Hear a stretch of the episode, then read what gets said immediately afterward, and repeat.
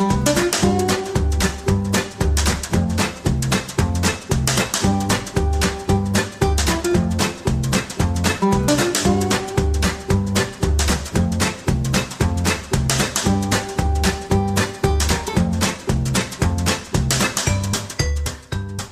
välkomna till Sjölivet Podcast. Det är väl avsnitt 33 om jag inte minns fel.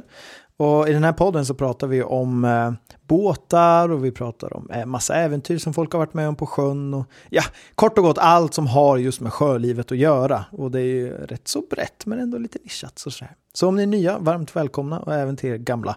Och jag heter Karl Holmertz men jag är inte ensam. Jag har ju bland annat den, ja, som jag alltid har haft från dagens, eller poddens start. Det är ju Oskar Wahlheim. Hej! Hej hej! Hej! Du och jag eh, har ju varit själva ett bra tag, men nu har vi en tredje person. Och som tur är så är det faktiskt ingen mindre än Benny Bouncegard. Hej! Hallå, hallå. det är alltid så härligt att höra era röster, för vi, vi chattar ju väldigt, väldigt mycket. Men eh, det är inte alltid vi ringer varandra. Nej, det, det, är, det känns skönt det här. Det är ju varannan vecka man får sitta och gräva ner sig lite extra och faktiskt läsa på om de här ämnena. Ja. Som man alltid sitter och ströläser lite om. Ja, det är roligt. Men, men Oskar, du är också sån här som, du ringer ju alltid när jag absolut inte kan prata. Du har någon slags, e, alltså det, är, det är så här, i, i, för att i torsdags blir det då, då ringde du mig, då låg jag och spydde. Då ringer du, jag var sjuk. Ja, ja. Jag fan svar, och du svarar aldrig när jag ringer? Nej, nej, det är för att jag, jag ligger inte alltid så Nej, men jag, det är bara, jag vet inte, du har någon talang för det där att hitta tillfällen när man inte kan prata. Eller så är det jag som är lat, jag vet inte. Ja, sånt är livet. Men eh, på, alltså det här är ändå, Karl, det här är tredje våren som vi håller på med självlivet. Ja, det är det. För jag tror, alltså nere hos, eh, i södra Sverige är ju ändå våren igång. Men du rör dig rätt friskt i landet du, Oskar. Ja, men det är, det är bäst så. Ja, ja. får flytta sig omkring. Jag var ju, jag var ju nere i Motala nu i, i tio dagar och höll på med La Morena. Mm. Och där var det ju, alltså mot slutet så blåste det ju en ljummen vind. Men han, han är börjar koka lite kära. Nej, inget kära på den här båten. Det, um, det försöker vi hålla oss borta ifrån. Mm. Men annars är det bara det gott att ha i bakgrunden. Eller ja, det är gott. Det är mycket epoxy. Ja.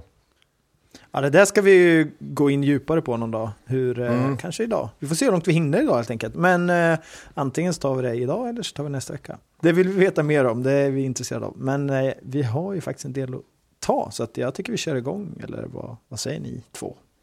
Kör igång.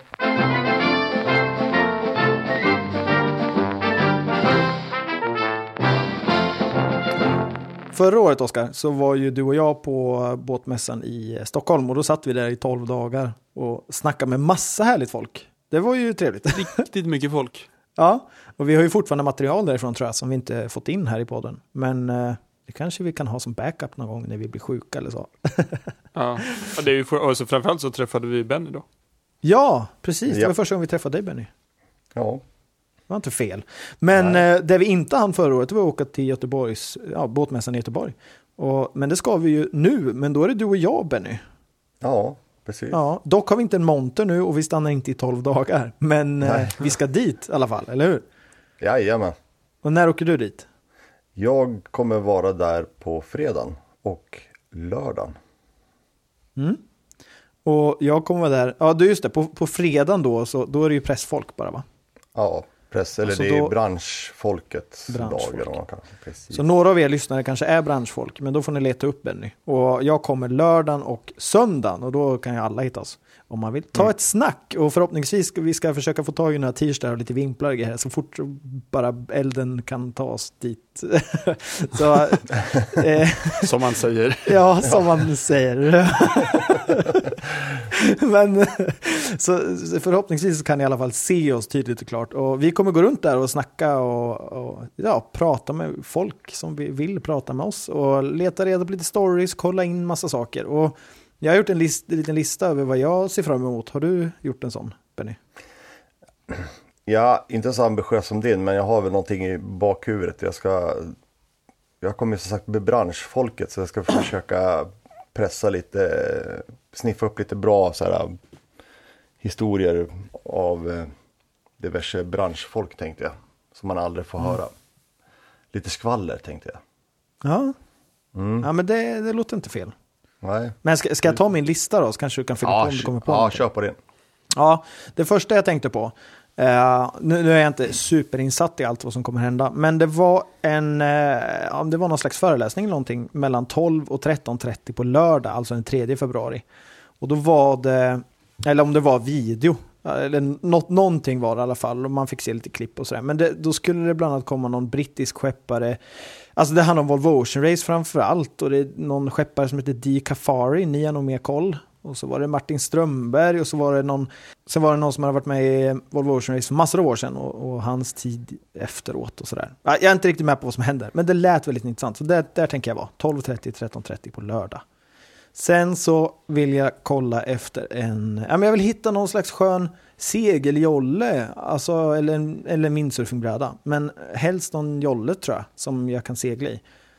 Eh, jag vet inte varför, men jag vet så här, ja, men i framtiden kanske man inte har kvar den båten man har idag, utan man kanske har något annat. Och så, ja, jag vill bara ha en segeljolle. Ja, men då, vet jag, då vet jag exakt vad vi ska ha för jag ska träffa faktiskt, eh, vad heter det, vad heter de nu, Fem, 505-ornas eh, det, seglarförbund där. Asså? Mm. När De då? Ska, eh, de ska träffa på, på, ser du, på fredag och lördag ska jag dit och snacka lite med dem. För de kör ju det här som vi pratade om sist. De kör ju en, eh, te, tema där de ska göra, man får hyra eller låna deras, eh, en jolle eller en båt av dem då.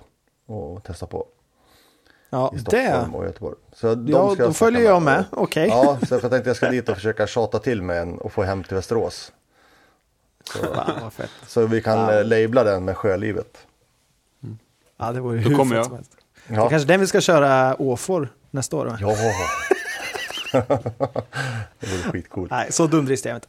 Ja, och sen så är jag sugen på att kolla efter en, eh, en motorbåt, typ 5-6 meters klassen någonstans. Eh, Gärna typ en hardtop med kapell eller så, så att man ändå kan... Man jag vill ändå liksom ha lite skydd i värsta fall. Om det blir ruskväder ska man kunna krypa in och mysa. Eh, Det, det är jag sugen på. Och alltså jag vill kunna lägga den vid mina föräldrars hem i framtiden. Jag har inte råd med en sån just nu, men jag är ändå säga, jag vill, jag vill ta reda på vad, så, vad jag har att välja på och om jag kan kanske ha råd i, inom snar framtid. Vi får se. Sen så har ju More 40 premiär. Skandinavien premiär. Ja, de är fräna. Ja, de hade ju en, vad var det, på, i Stockholm More, var den 55? 55an. Ja, 55an. Den var ju jävligt ball. Men jag är faktiskt sugen på, alltså 40 fots är ändå en sån här, det, det är en klass eller liksom en storlek som jag, jag föredrar lite mer än 55 fot tror jag. 55 är lite stort, 40 är väldigt hanterbart och nej, jag gillar det. Eh, Faktiskt. Så den, den är jag intresserad av. Eh, och sen, det här, det här kanske är en dum fråga. Och det här, nu får ju ni rätta mig här pojkar. Eh, men jag, jag är lite, jag bara fick en tanke. Nu, jag var, ju- har ju varit jättesjuk i helgen. Eh, Vinterkräksjukan och allt vad det heter. Och så låg jag där och så tänkte jag, men jag vet inte vad, jag kollade på något klipp och du vet så här, det var i amerikanska floderna någonstans. Så var jag ute och fiska. Och de gick runt på den här båten, den var rätt så platt, men den var helt still. Den var så jävla, jävla still den lilla, lilla, alltså en fiskebåt. Och jag fattar inte, hur kan den vara så stabil? Så det tänkte jag undersöka. Men gör det, för de ska väl, de ska väl också ha en bassäng som Stockholmsmässan ska ha? Eller? Jaha. Ja, men det antar jag. Det brukar de väl ha? Jag tror det. Så jag, jag, om du gör det på lördagen och ska traska runt på den där båten och hur du ens kom på tanken när du låg och spydde hemma att hur en stabil fiskebåt är. Men ska du upp och knata på den här så ska jag lova att jag ska filma och lägga ut det där. när du druttar i. Men jag, på jag tror inte att de har de båtarna i bassäng dock. Tror Nej men någon båt ska du ha uppe på knatan. Jag, får, jag får be dem, lägg upp den Ja, här nu så ska ja, jag testa. Ja, lös det, Karl. Lös det. Ni får lite Får PR här i podden. Ja, Ja, nej, och sen så är det det här vanliga lite grann. Alltså att hitta något i hemmet kanske. Alltså vi har ju ett väldigt så här, båttema stuk hemma med vitt och blått. och ankar hit och dit och sådär. Så att, ja men något dit kanske. Eh, och jag ska inte köpa en massagemaskin som jag gjorde förra året. Oskar. Även om den har varit grym. Det var, så, det var så jävla oklart när det kom tillbaka till den massagemaskin. Jag bara, Vad fan, vad ska du ha den till? Ja, men vi hade suttit i, i, i montern i elva dagar och hade jätteont i ryggen. Och så bara, det här är ju en massagemaskin, den tar vi. Nej, men den, ja. den har varit välanvänd så att, eh, ja.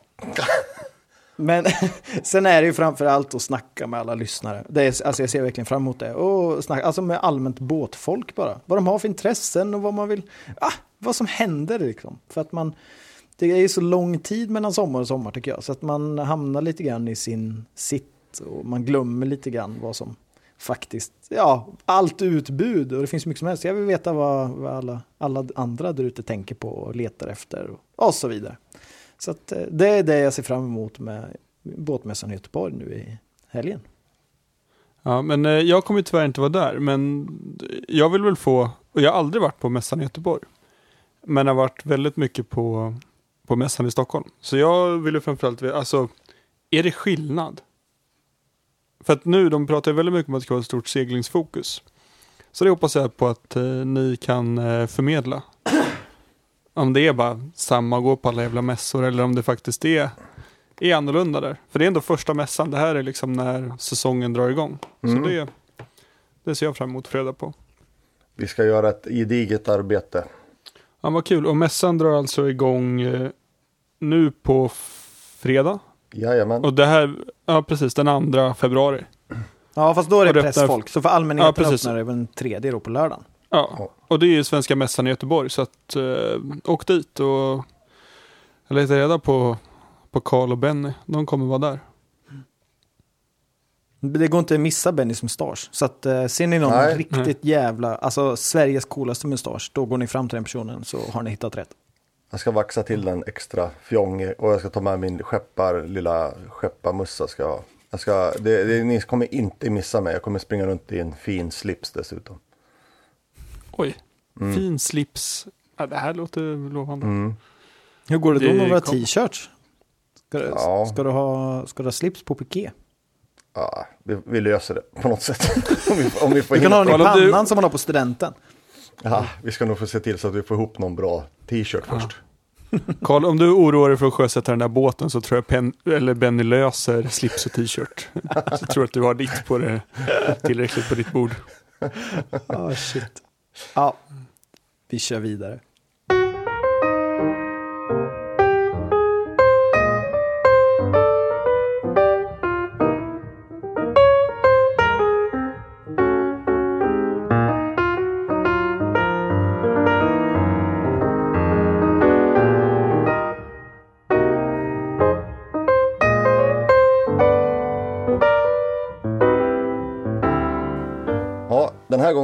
Träffat eller pratat med Liv och Magnus som seglar sin eh, eh, Rasmus 35 i Karibien.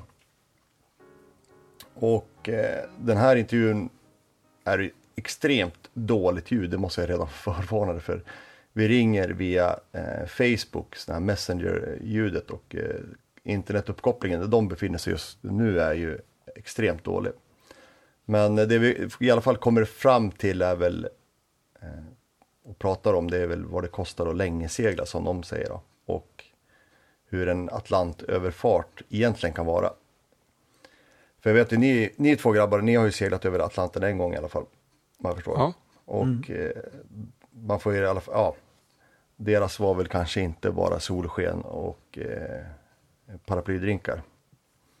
Men eh, ja, så berättar de lite hur de skyddade sig för orkanen Irma och Maria som passerade när de var där. De tog sig i skydd då, men eh, vi pratar lite om det och just det här hur man får ihop det ekonomiskt och vad det kostar. Så eh, vi kör väl igång.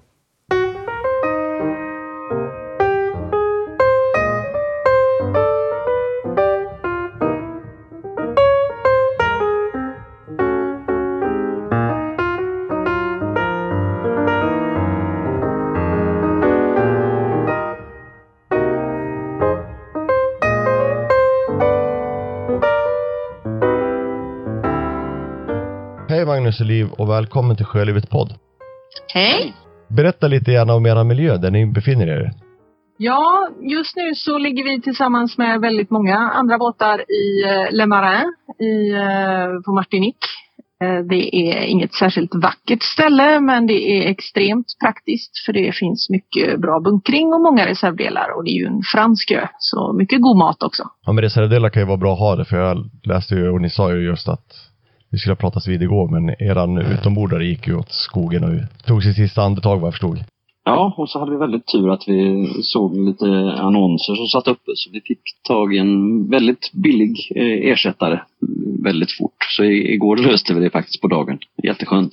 Det är som ni sagt, ni befinner er då i, i Västindien eller Karibien. Hur kommer det sig att ni hamnade där? Ja, eh, vi lämnade ju Göteborg 1 maj 2015 och Eh, vi ska vara ute totalt tre och ett halvt år. Och vi pysslade oss ner eh, genom Europa och så kom vi över i eh, februari 2016. Och sen trivdes vi väldigt bra i Karibien så vi eh, bestämde oss för att inte gå jorden runt och stressa som vi hade tyckt det hade blivit på, på tre och ett halvt år utan vi har seglat runt omkring här i Karibien istället och, och sett ganska mycket här både Colombia och Panama och Jamaica och sen den, om man får säga det så, den vanliga ökedjan också här i Karibien. Men vad, som du sa, då, inte gå varvet runt, var det ursprungstanken från början när ni kastade loss från Sverige? Nej, vi, hade, vi insåg att vi hade ju det alternativet. Antingen skulle vi segla, när vi kommit över till Karibien, skulle vi segla rakt fram eller ta vänster eller höger eller bara runt omkring. Och, så vi hade det som alternativ att eh, vara kvar också och det, det var det vi till slut valde. Jag kan tänka mig att det är, det är ett stort hopp om man då väl går över Panama. Då är det väl bara att fortsätta kan jag tänka mig. Ja, det, det, havet det är stort på andra sidan. Ja, och vi insåg det. att, ja precis. uh, vi insåg ju det att, att uh, vi har ju tid, man hinner ju segla jorden runt på väldigt mycket kortare tid. Men, men vi ville vi tycker om att stanna lite längre på varje ställe och hinna uppleva och, och få träffa mer lokalbefolkning och istället för att bara checka av en lista att nu har vi varit där, nu har vi varit där, nu har vi varit där. Mm. Så för oss, vi kallar oss längeseglare då. Vi har ja. inte särskilt bråttom. Eh, så ja, för oss passar det bra denna gången. Men denna gången kanske blir fler gånger alltså? Ja, man ska väl gå i pension någon gång fram igenom i livet så att då, då, då kanske man sticker igen. Vi får se. Men hur är det, jag vet ju som sagt, vi har ju pratat vid eh, en gång tidigare, men tack vare teknikens under så har ju den filen försvunnit. Så vi gör ju om det här igen, så vi får ju kanske prata om vissa saker två gånger. Men jag vet ju, eran Atlantövergång var ju inte så här um, glamorös som man har sett vissa andra som går över. Ni får gärna berätta lite hur den var. Ja, gå över Atlanten för oss var väl kanske lite annorlunda. Det gick i och för sig ganska fort. Vi gick på 17 dagar från Kap Verde till, ja, hit till Martinique faktiskt. Oj. Och... Men gick ni över marken? Nej. Nej, nej, vi gick nej. inte. Arken går i november och vi gick över i januari. Det ska vara ja, mer stadiga och stabila vindar ja. då. Är det ju meningen att det ska vara, men det fick inte riktigt vi. Vi hade både storm och vindkuling emot och ja, hade bra dagar också, men väldigt mycket bökigt. Ni fick se Atlanten från sina bästa dagar? Ja, några dagar fick vi väl det. Men vi har sett andra sidor av Atlanten ja. också kan man säga. Så du, jag vet jag såg på ert uh, Youtube-klipp där, du, du såg lite mör ut när du började närma dig slutet där. Ja, om det var mig du menar nu så ja, ja vi var ganska möra och dessutom mycket som var väldigt jobbigt det, det var faktiskt rullningen. Det rullade otroligt mycket. Det, man fick hålla i sig hela tiden och det gjorde sömnen sämre också. Men det var bara ni två som gick över då eller? Ni hade ingen mer ombord? Nej, det, vi är jättenöjda med att bara vara två. För det, det är, i, I normala fall så klarar vi långa nattseglingar eh, väldigt bra på bara två. Och det, det är smidigare att få det rättvist när, man, eh, när den ena är tröttare än den andra och den andra är piggare. Så kan man liksom bara anpassa sig lätt utan att behöva ha ett stort eh, besättningsmöte för att lösa det hela så att säga. Ja, vi, vi trivs väldigt bra att vara två stycken och det, det hade nog inte blivit bättre över Atlanten om vi hade varit fler. Det hade det nog inte varit. Men var det inte tufft med vaktschemat då och lösa det på två personer? Nej, det var det det inte var, utan det, det fungerar jättebra för oss. Vi, vi har ganska långa vakter eh, på natten och delar, delar upp natten i två i stort sett, eller de mörka timmarna i, i hälften. Och det, så tar man igen sig med lite tupplurar på dagen också, så det går jättebra. Vi började, ja, vi började med kortare vaktpass men kom snabbt på att det, det funkade inte för oss utan det, det var något tillfälle där, där jag, Magnus sov som en stock och jag var inte särskilt trött så att jag fortsatte och så hade det plötsligt gått åtta timmar och då vaknade han sen och var jättepigg och jag var jättetrött så jag fick sova gott och Ja, men Ja, körde ni åtta, åtta då eller? Eller var det beroende Åtta. på hur, okej det var lite beroende på hur ni kände er då. ja, sex, åtta timmar sådär. Men hur var det när ni kom fram då? Var Underbart. Det, det var kokosnötter och palmer och allt. Ja, det är ju det i Karibien. På vissa Mm. ställen så eh, tycker jag faktiskt att det är ganska likt Norge. Jaha. Eftersom jag har seglat mycket där. Men det, det är mycket gröna berg och, och ganska höga berg. Men eh, kommer man närmare då så ser man ju stränderna och, och på vissa ställen är det mycket palmer och stränder och andra ställen är det ja, höga berg. Ja. Men det, som du sa, du hade ju seglat mycket i Norge. Är ni båda uppväxta på båt och uppväxta med segelbåt? Ja, det, det är vi faktiskt. Eh, Du du åkte väl ut på, när du var direkt från BB ut till båten. Eh, Det var väl inte riktigt så illa för mig, men jag är också uppvuxen på, med båt med, genom mina föräldrar. Ja, Ja. Det, det har varit båt mest hela livet faktiskt. Och Jolle seglade båda två då eller har det varit eh, cruising-miljön ni båda kommer ifrån då eller?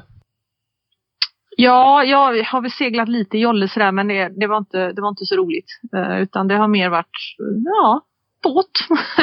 Leva i båt och, och vara mycket ute i naturen. Det viktigaste är inte alltid att segla utan det är att få vara, leva i den här miljön helt enkelt. Mm, mm.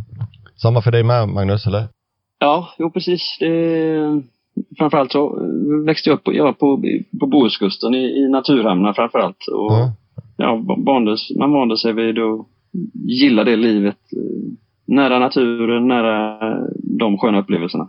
Nu hoppar vi lite fram och tillbaka i tiden men eh, den här resan som ni nu är på nu då och vad motiverade er att göra resan? Vad, vad var det som fick er att från idé och till verkligheten att verkligen kasta loss och gå iväg? Vad var det som var motivationen för er? Ja, vi vill inte vänta i 25 år tills vi blir pensionärer. Det var för länge. Så vi, eh, vi började spara pengar ganska medvetet och hoppades på att vi skulle få pengar till att eh, kunna resa i två år. Men så lyckades vi spara ihop lite mer så när väl satt datum kom så hade vi pengar för tre och ett halvt år. Ja, Så då blev det det. Och vi är ju tjänstlediga båda två så vi ska ju börja jobba i eh, oktober 2018 igen. Ja, just det. Ni har ju en deadline att, att ta er hem till Sverige igen nu. Ja. Ja, tråkigt. Ja, både och. Jag tror vi är ganska, tycker att det är ganska lagom nu faktiskt. Ja, ja. Man har börjat känna att det, det hade varit skönt att vara lite produktiv igen. Komma hem till kalla Sverige. Ja, och sen har vi ju tänkt att vi ska åka hem via först en månad i Kuba, en månad på Bahamas och sen upp USAs eh, östkust och sen Grönland, Island hem. Det är planen. Just det, va. Just det. Intressant. En helt annan rutt att ta sig hem på. Ja, den är inte jätteovanlig men eh, den är inte lika vanlig som att gå till Azorerna hem. Nej, precis. Det är oftast det man hör folk som gör, går sårnas hem där. Men Ja, hur, hur men länge vi- har ni räknat då att det den, den hemfärden, om man får säga så här, ska ta då? Vi lämnar Martinique nu efter nyår, mitten av januari ungefär. Och då Mm. är det 7000 distans mellan tummen och pekfingret hem. Mm. eh, den vägen. Så vi, vi räknar med att vara hemma i slutet av augusti. Så det är på sex, sju månader så gör vi 1000 distans i månaden ungefär, är planen. Härligt. Ja, det blir, det blir mycket segling för oss. Ja, Eh, Men eh, för oss så blir det mycket segling. Men det, det kommer nog gå bra. Men eh, ni var inne på ekonomin där, lite att spara ihop. Så ni har, ni har inte sålt huset vad jag förstår och, och som många andra gör, säljer allt man har och satsar allting på, på den här resan, utan ni har huset kvar hemma eller? ja, vi visste ju att vi, vi kommer ju att komma tillbaka mm. och så vi valde istället att hyra ut det. Eh, dels för att eh, det är en ganska bra investering i sig. Huset ökar ju värde med, i och med att det bara finns där mm. i, i, dagens läge. Och sen vill vi ha möjlighet att ha någonstans att bo. Om vi nu inte ska bo i båt när vi kommer tillbaks ja, till Sverige. Det är ett alternativ i alla fall att bo kvar i båten då kanske? Ja, det är kanske det. Eller köpa en större båt och faktiskt bo, eh, bo i båt. Men, ja. eh, men det är inget som är hugget i stenen utan det, vi har bara möjligheterna framför oss. Ja. Men eh, om man får fråga då ekonomin, för det är lite tabu ibland för vissa att prata riktigt hur, eh, hur ser en budget ut? Har ni, vad, vad räknar ni som att det går åt per månad eller per dag att vara ute så som ni gör? Ja, vi är ju två stycken då som är ute och vi räknar i runda slängar strax över 20 000 i månaden att det kostar och då har vi valt att ha båten fullförsäkrad och vi är även, har även varsin egen sjukförsäkring. Så bara där har vi 2 500 varje månad som går direkt innan vi ens har börjat. Oj. Ja, eh, och sen går saker sönder. Så som ja, motorn vi pratade om här tidigare. Den, ja. det, vi var lite rädda där att vi skulle åka på en ny motor för det hade gått på 15 000. Nu hittade vi en begagnad för 4 000. Det är dyrt med reservdelar här i Karibien. Det är fruktansvärt dyrt. Eh, bäst att köpa prylar hemma.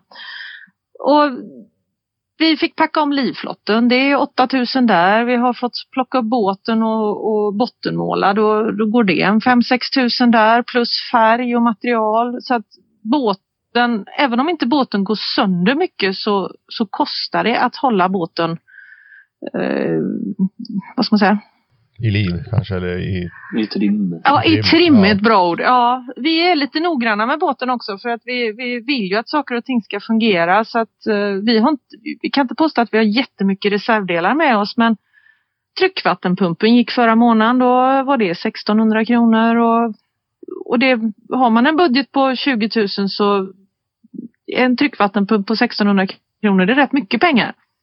Mm. Sen kostar det ibland kostar det en del att, att besöka de länderna som vi har gjort.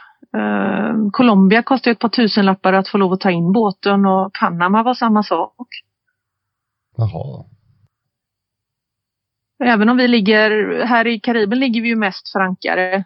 99 procent skulle jag vilja säga och det är ju gratis men, mm. men, uh, men ibland är det ju avgifter för att ta sig ut och in i landet helt enkelt. Bahamas vi ska besöka nu. Jag tror att de ska ha 300 dollar för att vi ska få lov att komma in med båten. Oj, det var så sjutton.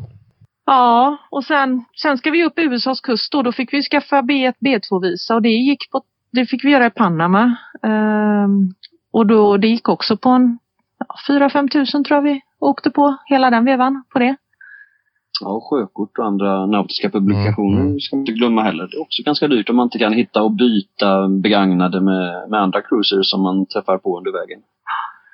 Uh, nej, så jag ska säga, vi, vi, vi, äter rätt gott också. Vi tillhör inte de som, som uh, äter okokta makaroner och sådär utan vi, vi, uh, vi lagar den mesta maten i båten. Vi är inte jättemycket ute och går på restaurang och sådär men man vill ju se sig omkring när man ändå är här och det, det kostar pengar det med. Ja. Men du sa att det mesta reservdelar var ju dyrt sa ni ju. Eh, där ni i Karibien. Hur är det med eh, att och bunkra på med vanliga basvaror, alltså mat och, och, det man måste ha. Hur är det? Är det dyrt det med där nere, där, där över? Jag skulle säga att det är eh, bästa stället att bunkra vi har varit på, det är på Kanarieöarna.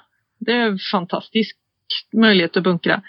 Här i Karibien är det där vi är just nu i Martinique och då skulle jag nog säga att priserna är ungefär som hemma. Ja, alla de franskspråkiga öarna, eller ja. de franska kolonierna helt mm. enkelt. Där är det billigt och bra. Um, och det är, man, det är lite så här, vi kör efter Kuba-principen när vi hittar saker vi vet är bra. Att uh, hittar vi det så köper vi det. För vänder ja. vi ryggen till så är det slut och då finns det inte igen. Så, ehm, men det, ja, det är lite svårt det där med bunkring för det beror på var man ska segla sen. Ska man bara hålla sig i Karibiens ökedja här upp och ner så, så finns det alltid små affärer och sådär. Men um, nu när vi ska till Bahamas till exempel då, då säger ju alla till oss att det, är bäst att bunkra på väldigt mycket. Ja, jag, mm, jag får med läst någonstans att det är, det är inte så jäkla jättebilligt där faktiskt. Nej, det där är nog ganska dyrt också. Jag menar, vi var i San Blas i Panama i en månad tror jag. Där fanns inte, där fanns inga affärer. Så då, då fick man ju fylla båten innan. Men har ni träffat på, som du, som du sa Magnus, man byter sjökort med andra cruises och sånt där. Har ni träffat på mycket svenskar där över då? Ja, faktiskt är det, det är förvånansvärt många svenskar med tanke på hur få svenskar det finns i världen och att det är så många som faktiskt är ute och seglar. Jaha. Det, vi är väl, ja inte, absolut inte den vanligaste nationen men eh, man blir förvånad av hur många svenska flaggor man träffar på, på båtarna Ja. här. Ja, många fler svenskar än vad det är danskar eller norrmän eller finnar eller alltså. Vi, Mm. vi, är- vi är nog lite överrepresenterade där tror jag. Ni har ju då befunnit er i alla fall i Karibien då när, när orkanen och Irma slog till. Vad, drabbas ni själva av den eller? Nej, vi, vi följde ganska väl. Under rekordsäsongen så, så följer vi eh, NOAA, alltså Nor- USAs um, stora meteorologiska institut. De har en massa varningar och förvarningar då. När det uppstår eh, eh, vad ska man? Lågtryck. lågtryck eller eh, störningar, störningar faktiskt i, i luftmassorna. Redan borta vid Kap Verde, vid Sahara, så ser de det då att eh, det är si och så stor chans att detta utvecklas till ett lågtryck som, kommer utveck- som kan utvecklas till en storm eller till en orkan. Så man har på den här sidan nu för tiden många dagars förvarning. Så man hinner ta sig, ta sig iväg till, till ett säkert ställe när man eh, ser hur den här banan på lågtrycket utvecklas. Och, och normalt sett så är det ju säkrast att vara under, är det tionde breddgraden. Ja. Eh, så långt eh, söderut som möjligt då, eh, på norra halvklotet. Mm, och vi hade ju ganska noga koll. Sex gånger per dygn uppdateras den där hemsidan så man får gå in och kolla några gånger per dag. Och vi höll oss ju här på Martinique fram till juni, juli eller någonting sånt där och då har ju or- orkansäsongen börjat. Eh, vi hade tur då, för då gick det några stormar, gick faktiskt passerade söder om oss. Eh, nere i trakten av eh, Grenada, eller norr om Grenada var det väl. Eh, och sedan när vi tyckte själva att det var dags att gå söderut eh, till Carriacou som tillhör Grenada, ja då drog de här riktigt rejäla stormarna och orkanerna förbi. Men när Ja. gick ni till, eh, när, när var det ni stack iväg? Sa du? Vi gick söderut till Grenada i juli va? Ja, Okej. det måste varit juli. Ja. Och då när Irma och Maria kom så gick de ju norr om oss. Mm. Så vi fick ju inte särskilt mycket vind, men vi fick vind från fel håll. Och det finns inte mycket skydd där nere i vikarna då, så att då gick vi in i mangroven och, och band upp oss. Okej.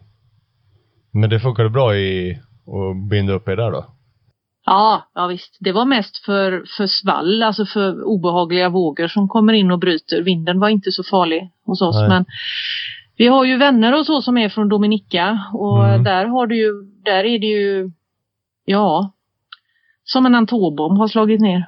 Vi eh, har vänner som bekanta kanske vi ska säga som kom tillbaka bara för några dagar sedan från Dominica och säger fortfarande nu flera månader efteråt så har de inget rent vatten, de har ingenstans att bo, det finns inga riktiga tak, det finns ingen el. Eh, Det är, de är i otroligt stort behov utav, av hjälp, Dominica. Ja, nej det är inte alls. Det var rätt katastrofalt där. Ja, Stormen. verkligen. Ja, det, det är det. Vi, vi har som sagt vänner som har seglat upp där med fyllt båtarna med nödhjälp och så eh, seglat upp och försökt hjälpa till och dela ut och sådär. Men det är som de säger, det är en droppe i havet. Det är som en atombomb har slagit ner. Ja. Ja, nej, vi ska, jag läste dem, man släpper ju den här boken, de här svenska, vad heter de? Ja, nu tappar jag namnet. Mot en ny horisont, boken, om ni har hört talas om den. Ja, ja visst. Eh, nej, det är ett jättebra initiativ för att all hjälp behövs eh, till Dominica och inte bara Dominica men jag tror Dominica är nog den som har varit mest utsatt och inte har eh, något annat stort land som går direkt in och hjälper dem. Mm. Så eh, det de gör med den här boken det är, det är ju fantastiskt. Vi, eh, vi samlade in pengar istället. Vi var ett par båtar som slog oss ihop och gick ut på Facebook och vi drog faktiskt tillsammans in det var över 60 000. Vi var två båtar som drog in. Vi bad Oj. våra vänner om, hemma om hjälp. Ja. Och eh, vi har en vän som är från Dominica och han eh, fyllde sin båt, stor stålbåt och en annan kompis till oss, en stor båt, fyllde. Så de har gått två omgångar upp till Dominica och med nödhjälp. Eh, så de pengarna har kommit fram i alla fall. Det är väldigt roligt. Även om det är en droppe i havet så har det i alla fall hjälpt några. Men har de börjat, alltså är det, du får ursäkta min okunskap nu, men har de lyckats komma upp på fötter något sånär som vissa andra karibiska öar har man läst om som har öppnat upp som de säger för säsongen och grejen? Eller är Dominika helt fortfarande utslaget? Nej, man kan inte säga att det är utslaget och vissa delar av ön är bättre än, än, än andra. Men eh, enligt våra bekanta då som precis kom därifrån så är det ju fortfarande presenningar över taket. Det saknas hus, de har ingen el, svårt att laga mat, det finns inget rent vatten. Eh, och sen ska all nödhjälp som har kommit ska också transporteras ut och tas ut över hela ön och det har väl inte riktigt fungerat. De har börjat röja upp vägar och så här nu. Eh, men det, och många studenter har ju blivit flyttade till andra öar, andra länder som har, de får fortsätta sin skolgång där för det finns, det finns inte lokaler helt enkelt. Det är, ja, det är svårt att beskriva men, men ön har ju börjat återhämta sig. Det börjar bli grönt igen och grönsaksmarknaden öppnade för första gången i lördags läste vi och, och så här så att det Men de, de behöver mycket hjälp. Men om man ska prata om något annat då som kanske är lite ja, trevligare. Roligare? Ja, lite lite roligare. Eh, man, blir ändå, man blir ändå lite nyfiken som här att man, där ni har kastat loss och ni har ju ändå spenderat en så pass lång tid och ni har en, en bit kvar på era resa. Men eh, vad har varit era förväntningar att få ut på en sån här resa? Ja, framförallt så är det ju att man får, får vara fri och äga sin egen tid, eh, uppleva nya kulturer. Det är spänningen som, som det innebär att vara på nya platser, nya förutsättningar, eh, ja, till och med nytt väder som vi pratade om nyss. Mm. Med rejäla starka naturkrafter. Det är varierande upplevelser. Det är, till skillnad från att bara så att säga jobba hemma så får man faktiskt komma ut och upptäcka världen, lite av världen. Släppa ekorrhjulet Fast det är hårt lite. jobb att segla också. Man lägger... Ja. Är valfrihet. Ja. Är väldigt härligt. Men du, vad sa du Liv? Du sa det, det är hårt, det är ett hårt eh, jobb att långsegla. Eller länge segla som du säger. Ja, de, de, flesta tror ju att det bara är paraplydrinkar och ligga på stranden och glassa och sådär. Men, men det, är, det är ett ganska eh, hårt jobb. Dels hålla båten i ordning och går någonting sönder, man får lägga väldigt mycket tid på att jaga de här reservdelarna. De är inte lätta att få tag på. Eller bara få tag på någon mekaniker om man inte klarar av att laga det själv. Eller, allting tar tre gånger så lång tid här mm. som det gör hemma. Och det dagarna bara går. Folk frågar oss ibland vad vi gör och vi förstår inte själva det riktigt. Men eh, Tiden går. Det, dagarna, dagarna bara går. Det går jättefort. Och det, visst badar vi och solar och dricker paraplydrinkar också men det, det, är, det är inte bara Alltså det, det, är inte som att vara på semester det här. Det är det inte utan det är an, en annan livsstil är det helt enkelt. Det, eh, kan vara både riktigt slitsamt ibland faktiskt. Men det är värt det i slutändan? Ja, ja, oh ja, det är värt det. Annars skulle vi ha åkt hem. Ja, ja men det är bra. Så ni inte gör någonting som ni absolut inte vill. nej, nej. Det är valfriheten som är det fina. Men har, har, ni någonting under den här resan nu då, när ni, vad ska man säga, ska man, kan man säga att ni är halvvägs i er resa? Ja, vi har nog passerat det. Vi har, eh, vi har väl nio, nio, tio månader kvar av ja. 40. Okej. Okay. Men det är mot slutet av det. Ja, vi har en fjärdedel kvar kan vi säga. Ja. Har ni, är det någonting ni har kommit fram till där ni känner att aj fasen, det här skulle vi ha eh, vetat om innan vi stack iväg? Som ni har lärt er nu som att Ja, det är det med Dinge till exempel. Ja. man kan aldrig ha för stor ding. Dingen är jättebra. Det är den som är huvudtransportmedlet när man ligger för ankare och den största delen av tiden ligger man för ankare. Så man ska hälsa på andra båtar eller man ska in i land och handla någonting eller undersöka någonting eller få internet. Mm. Eller något annat. Så dingen är viktig att man inte blir plaskblöt när, när, som mm. den lätt blir när den är för liten. Vi köpte, vi köpte en liten dinge när vi var i Sverige, en ny. Ja. Och, men den eh, insåg vi att den var ju alldeles för fjuttig när vi väl kom, kom fram. Så vi har fått köpa en ny eh, här nere och fick sälja vår gamla då. Eller den som var rätt så ny. Ja. Ja, men det, ja, det var, ja. En ny dinge och en ny utombordare när ni kommer hem. Ja. Ja, precis. Ja, utombordaren nu var ju begagnad då, ja. men, men dingen är nu, ja, den är, den är väldigt viktig. Är, man blir låst i båten annars om man inte kan ta sig till och från båten på ett smidigt sätt. Annars vet jag inte. Uh, jag menar, vi har ju, man lär sig ju småsaker längs med vägen och jag tror att vi, vi tar det lite lugnare nu. Uh, Växlat ner lite i Jag vet inte om vi... Ja, lite, men jag vet inte om vi någonsin kommer bli riktigt kompis med det här äh, karibiska manana. men äh, ja, det är, det är ett annat sätt att leva helt enkelt, det här. Där bröts det. Provar vi igen. Ringer vi upp. Hallå! Hallå, hallå! Hej igen! Hej. Ja, ja. Uh, ja, vi kanske skulle... Det bröts där, men, men ja. vi, vi, skulle vilja ha ett tillägg egentligen och det är det att åk nu.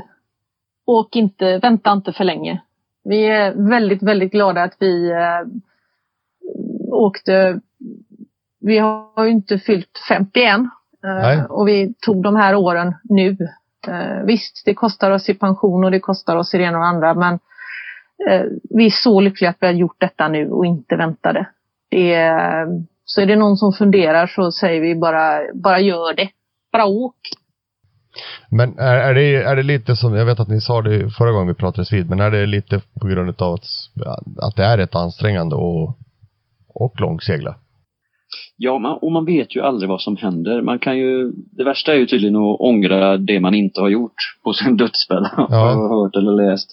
Och, och, det är väl just det, om man skulle, ju längre man lever desto större är ju risken att man blir sjuk och inte, eller svag och inte orkar.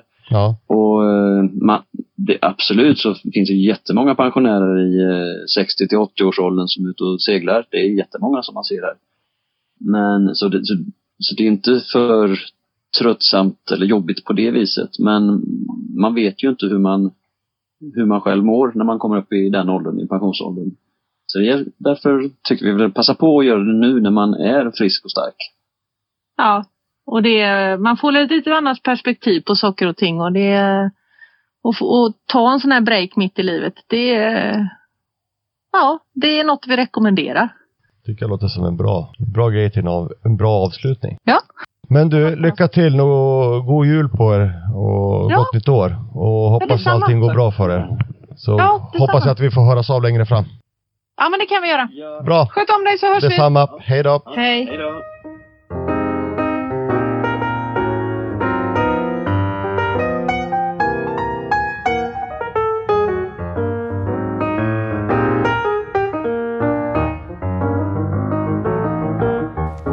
Som eh, utlovat från förra veckan Benny så har ju, så har ju vi vi har ju förberett lite frågor till Oskar. Vi måste ju testa. Ja. För vi, I introt där, eller när det nu var, så påpekade vi hur, hur kunnig ändå Oskar är. Han är I alla fall i våra ögon. det kanske finns no, någon Med era mått mätt. där ute. Ja, exakt. Våra mått mätt. Men eh, så vi har ju lite frågor till dig Oskar. Mm, jag, jag tror du har gjort det en gång förut mot mig Karl också. Ja, och jag, jag, vet att vi hade ju då också lite sådana här eh, eh, alltså termer, båttermer som vi termer fick kanske blur.se kan man hitta lite sådana mm. segeltermer och lite roliga grejer. Det där har vi testat också. Mm. Men det här är mm. lite mer, eh, lite andra frågor tror jag. och, ja. ja. och vi har ju faktiskt ställt frågan eh, på, på Facebook och det har ju säkert eh, du Oskar redan läst de frågorna. Ja, jag har sett att det var, en, eller det var väl en, en riktig fråga som kom och sen var det väl en som var eh, Skillnaden mellan, skillnaden mellan kelgris och kölsvin. Ja, precis. Det är ju från Ja, Nils inte- Forsfeldt då som är, är, har La Morena som du har varit och jobbat på. Ja, precis. Men vad är skillnaden mellan kelgris och körsvin då? Ja, alltså. Den, den ena dricker väl slagvatten, den andra vill väl bara ha läskeblask. Jag vet inte. Ja, men den är Ja, okänd. ja, vi, vi säger att det är rätt. Det, är du uppvärmd nu då? Ja, nu, där, nu vart jag uppvärmd. Ja, bra. Första frågan. Eh, vad är och vad för nytta har man av en dirk? Dirk, det är ju att hålla upp bommen. Det är en tunn lina som går från masttoppen och till, ja, till bomnocken då. Som gör att när du tar ner seglet, om du inte har en rodkick då, alltså vill säga som en, eh, en kick med någon typ av gasfjäder, så trillar inte bommen ner. Det ska jag, Dirk. Det ska vara en tunn lina, oftast ganska mjuk och flexibel. Ja, men det är bra. Det är bra. Rätt svar. Jag tänkte att vi skulle, det var ju en mjukstartsfråga lite grann. Oh, Ja, lite, ba, lite bakgrundsapplåder i bakgrunden.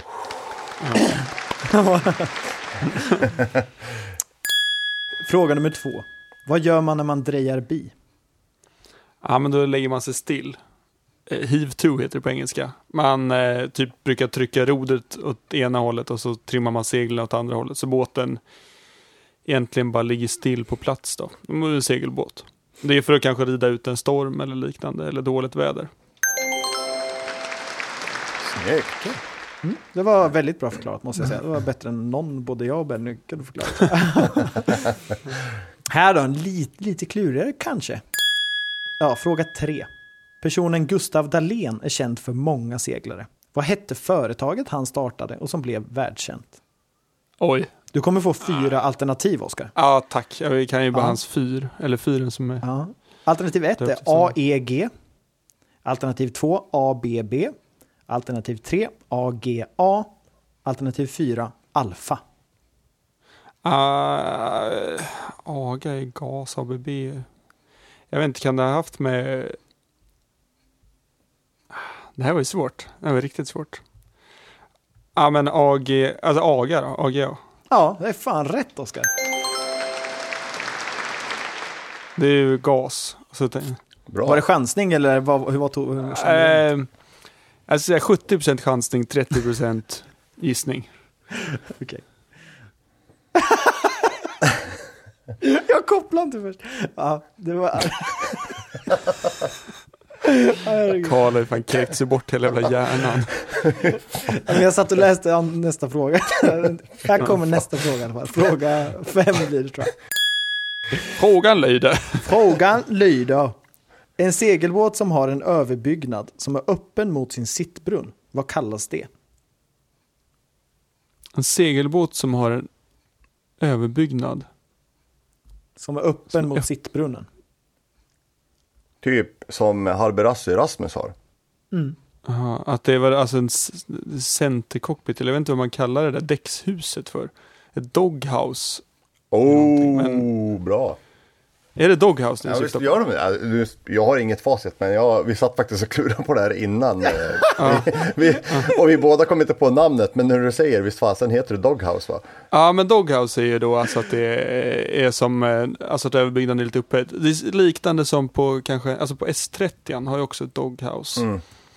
Eller på, eh, alltså skärgårds, den 75an, Bakant har ju också ett litet doghouse. Eller den gamla Ja. tian. Ja, Jodå. Kitty. Ja, men det, här, det här är ändå lite roligt för att ingen, har, alltså jag, ingen av oss har facit på det här. Vi har inte en aning. Så att, men. Oscar, det är ändå en bra Vi gissning. och undrar jag känner, genuint alltså. ja, men jag känner ändå igen det du säger. Men ni som lyssnar, ni kanske vet betydligt bättre. Så är det inte Doghouse så kan- får ni gärna skriva det till oss. Eller är det det så får ni gärna skriva det också. Ni har bättre på att det- rätta oss. Ja, är det någon som har facit så skriv det gärna på de sociala medierna. ja. Ja. Eh, vad är en bardun? En bardun. Det är någon eh, rigg, det är någon tamp i en rigg. På typ en råseglare säkert. Eller det är en vajer. Det är ett, nå- någon typ av stag. Är det en bardun, går den eh, långsskepp mellan master? Det gissar jag. Jag, tror att det är ett stag som förbinder två master mellan varandra. Mm. Är det ett slu- slutgiltiga svar? Ja, ja det Eh, alltså jag är ändå jävligt imponerad av din kunskap. Eh, om då, jag visste inte vad Bardun var.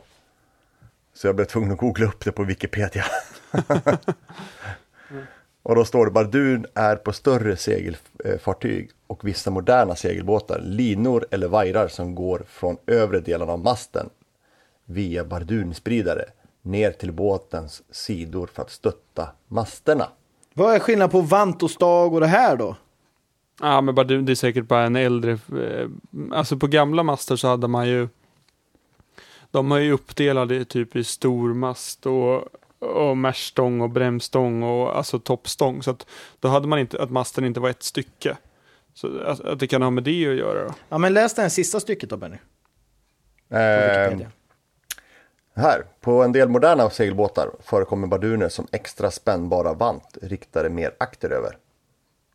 De används för att ge riggen mer stadga vid kryss, men behöver kunna lösas för att inte vara vägen för storseglarna i lä och behöver alltså då även bytas vid stagvändning.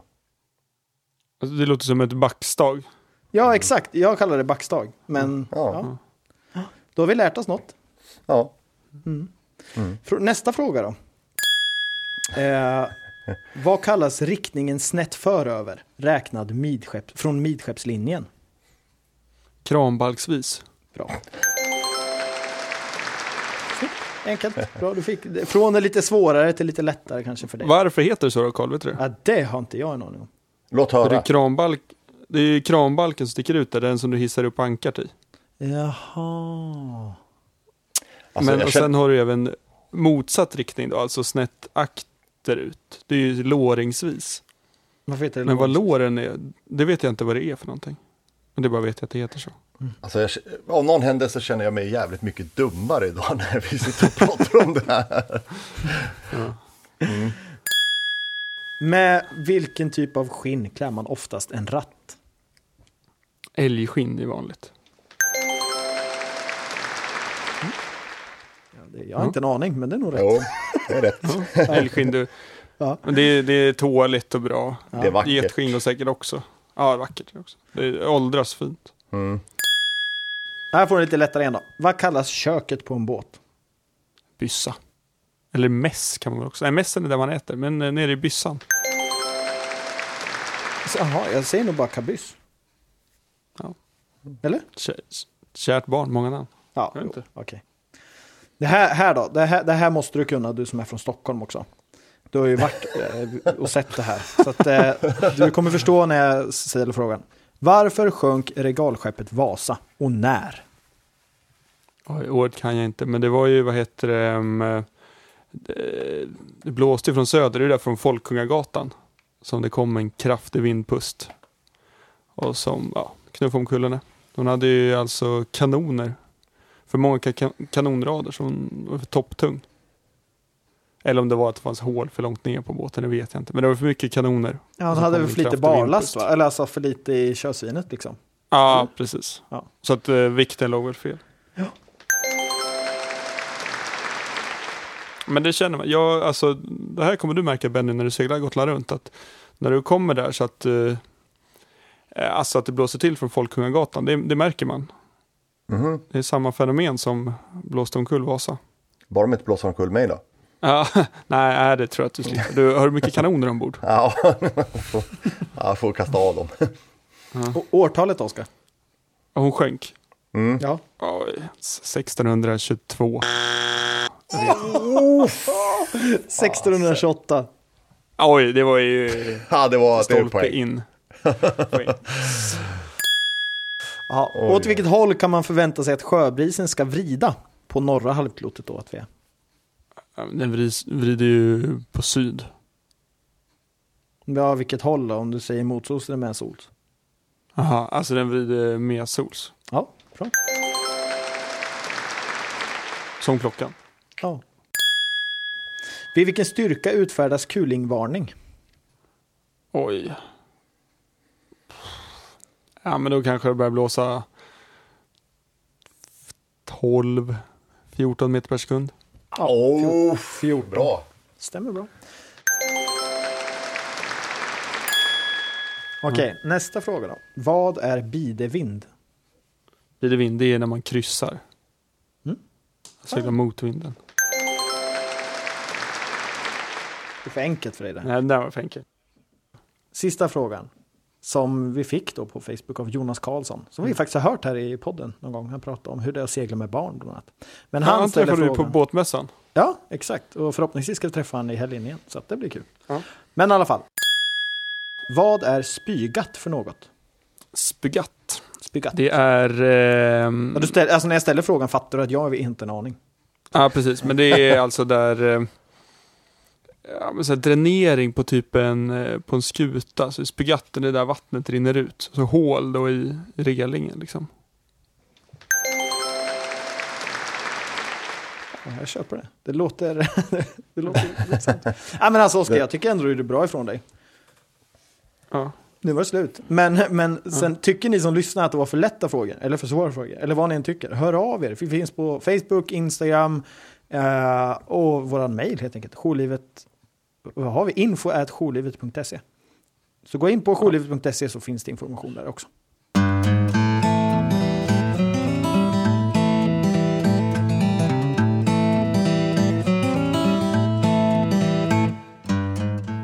ja, jag klarade de där frågorna. Men det var, det var några som var riktigt luriga. Så att, eh, kranbaggsvis var kul att ni hade lyckats eh, leta fram. Det är ändå ett ord som kanske inte är... Det används ju inte så ofta. Nej, vi letar hårt. Ehm, ja, så ni får ju se om ni kanske lär er några nya svåra ord nere på båtmässan. Jag ska ju tyvärr på min, eh, eller tyvärr, jag ska på min kusins eh, 30-årskalas så jag kan ju inte vara där. Ehm, men ja, det ska bli kul att höra vad ni, vad ni får med därifrån. Så jag ser fram emot nästa avsnitt. Det ska bli riktigt kul. Jag tycker nästa avsnitt då ska handla lite grann om hur det går på La Morena och eh, från båtmässan helt enkelt. Ja, ja men det, det verkligen ska jag prata om. Vi har, under tio dagar hann vi nog göra en del, och det, men det finns fortfarande saker kvar att göra. Så att, Mm. ehm, ja, ja, men det, det kan jag... Det är inga som helst problem att prata om. Men eh, och vad som, vad som eh, Oskar sa här innan, att vi måste ju påminna att om det är så att eh, ni gillar Sjölivet, att ni gillar den här podcasten och det som händer här och vad som, vad som hörs helt enkelt, så lägg gärna en like då eh, på Facebook eller eh, följ oss på Instagram till exempel, där vi lägger upp massa roliga klipp och nyheter och det ena och det andra.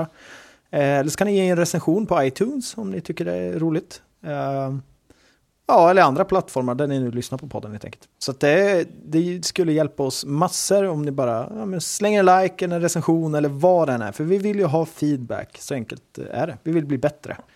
Eh, ja, så gå in och följ oss helt enkelt.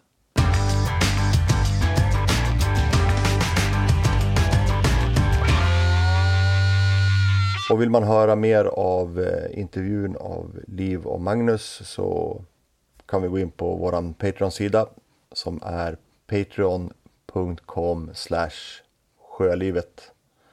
Ja, eller jourlivet kanske. Jourlivet heter det. Ja, precis.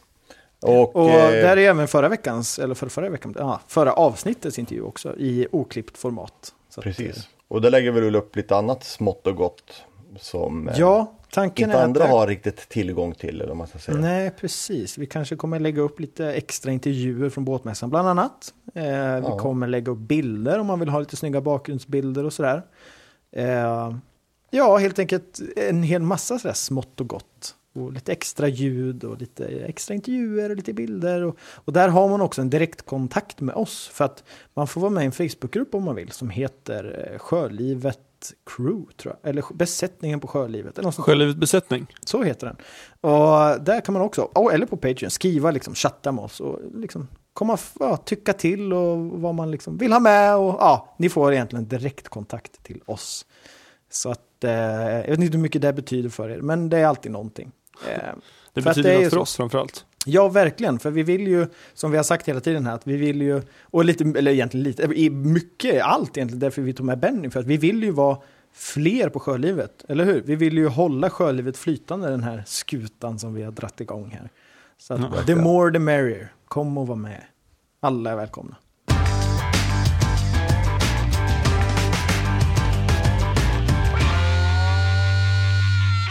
Ja, men Benny, vi syns på fredag. Nej, tors lördag menar jag. Vänta, vi ses på lördag. Jag kan ringa och påminna dig om du vill. Ja, jag gör det. Alltså, jag, det, det är lite rörigt just nu. Nej, men så... ja, lycka till Benny. Ja, jag, jag ska hålla, jag ska passa upp han. Jag ska köpa sånt där mm, armband. Flytväst Karl. Ja. Du, du har sett en sån, där, en sån där flagga man har bakom barncyklar på mig. Så du kan hålla koll på ja. mig där på mässan också. Så du vet vart jag är så jag inte springer bort. Mm. ja. Jag kommer börja kalla dig pappa till nästa helg. Få hålla handen och inte vara för långt borta.